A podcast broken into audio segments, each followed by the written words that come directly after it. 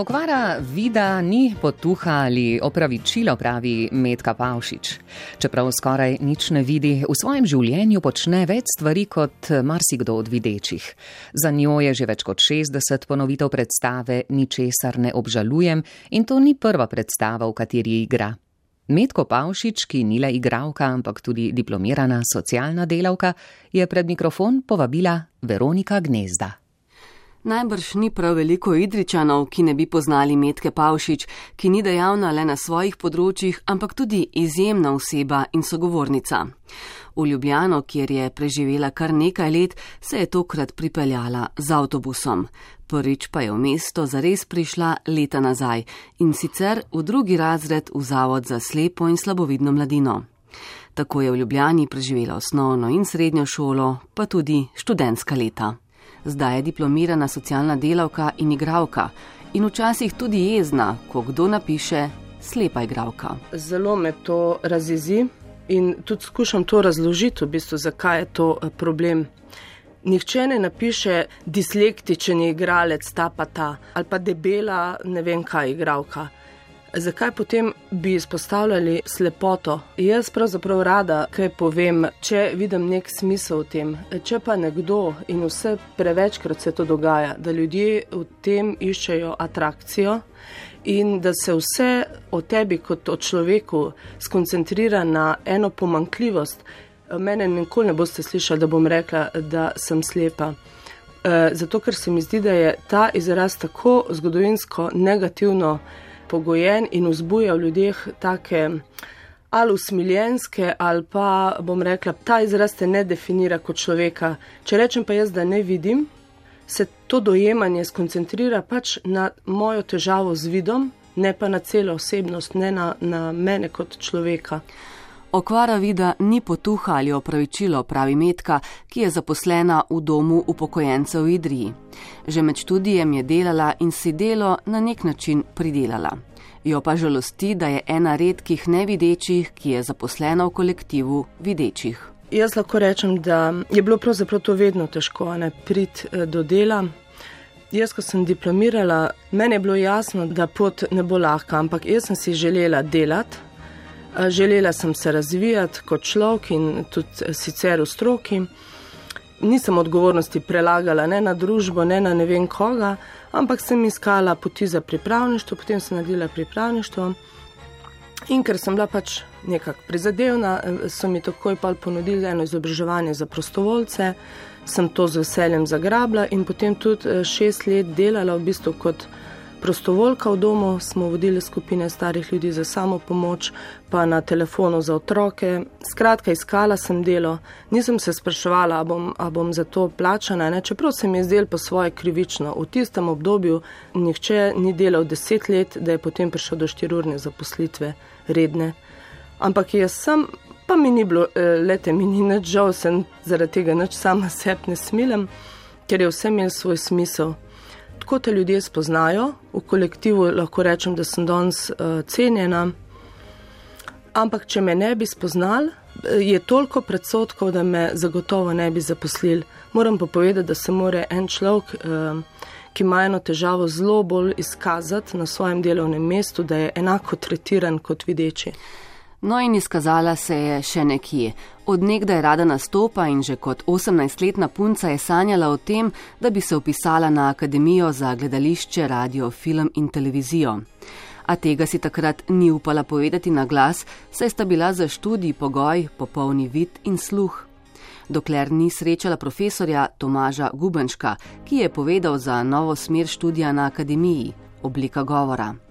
Na njeno vprašanje, ali vidi pri njej kakšno oviro, da bi se opisala, je odgovoril ne. Glede sprejema in glede študija, moram reči, da ni bilo popolnoma nobenih ovir, celo skozi zanimanjem sem bila sprejeta. Mal je bilo mogoče eh, drugače to za profesore, ker jaz zelo slabo berem Brajevo pisavo, to moram povedati, mm, ker sem jo bolj pozno začela trenirati. In sem se tekste, eh, veliko poudarka je bilo na interpretaciji literarnih besedil, in jaz sem se pač mogla vse tekste eh, na pamet naučiti, eh, ker če ne bi se preveč ukvarjala s samim branjem in premaz interpretacijo. Trenutno Metka Pavšič igra monodramo Vinka Medrndorferja Ničesar ne obžalujem, igro, ki jo je pripravila v okviru svojega magistrskega študija. Zglasim, da bi poplek uscal in kar naprej je ponavljal, a ne da res, a ne da res, a ne da res, boste šli pa na postajo, a ne da res. To ni njena prva igra in uči se od predstave do predstave, čeprav so včasih na odru tudi nerodni trenutki se spomnim, ko se mi je zgodil, pa ne pri tej predstavi, ampak pri enem monologu, ki ga, sem ga dolga leta, pa še zdaj ga kdaj odigram, efektarco. Sem enkrat bila v Mariboru in se spomnim, vse čas sem imela občutek, da sem obrnjena, eh, ni bil odr. Ker če je odr, se potem jaz pridem na lico mesta dosti do časa, da se pripravim, da se zorientiram, da vidim, kako je prihod. Naštudiram to, parkrat probam. Tukaj je bil pa uh, tako, kot ena klet je bila to. In jaz sem imela občutek, da sem se izgubila v tistem prostoru in da več čas govorim stran od občinstva. Zdaj to te lahko silno iztiri, ampak pa sem ugotovila, da sem prav obrnjena. Ampak vse je v pripravi. Uh, stvari se je treba lotiti resno, profesionalno, nič ne more biti prepuščeno tako na ključu, ker kljub temu, da si ti naštudiran v teh stvarih, se ti lahko še zmeram zgodi neka reč, ki je nepredvidena. Liko zanč, recimo, se mi je pripetilo to, da sem, sem zgubila orientacijo in sem skoraj podrla tam eno steno. Ampak to za gledalce niti ni bilo očitno, lahko bi mislili, da je to, to predstaviti. E, ampak bolj je to, da, da skušaš vse hitro poiskati e, tisto ravnovesje in, in delati naprej. Tudi sicer se rada odpravi v gledališče ali na koncert. Včasih je veliko potovala, zdaj pravi, da se je potovalna čakra, tista za klasična potovanja, zamašila, ampak išče potovanja z nadgradnjo. Pred leti je prehodila 800 km dolgo pot Camino de Santiago. Med drugim tudi pleše in to menda odlično. A, ja, rada plešem tako v paru, vedno mi je bilo pa stresno, tako kot sem bila še mlada. To moram reči, da mi je to posebne travme predstavljalo. Razni diskoti, ko smo bili mladi, pa smo hodili in meni je bilo to strašno. Recimo. Takrat še tudi nisem tako osebnostno zrela, veste, da, bilo, da bi se požvižgala na to, eh, da bi jaz nekomu povedala, da pač imam težave z vidom, pa naj me pele nazaj na, na, na, do stola. Recimo takrat mi je bilo okoli tega zelo nerodno, danes mi ni. In se spomnim, res takrat so bile prave travme, ker smo tako plesali en nasprot druga, recimo, in potem nisem več vedela. A je ta plesalc še pred mano, a ga ni več tam, a je zginil, ali skratka. Kaj pa recimo v vsakdanjem življenju, um, ta neka opravila, ki so mogoče nam čist um, res vsakdanja, kaj je za vas najtežje? Najtežje mogoče je mobilnost v tem smislu, da uh, si moram stvari zelo dobro zorganizirati. Ne? Jaz sem zelo gib, pač gibljiv človek, ni problem ta, ali pa tudi včasih je problem ta vsakdanje pot v službo. Recimo, še vedno je, je velik uh, avto parkiranih na pločnikih, ali pa recimo kakšne nepredvidene situacije na cesti, to me recimo iztiri.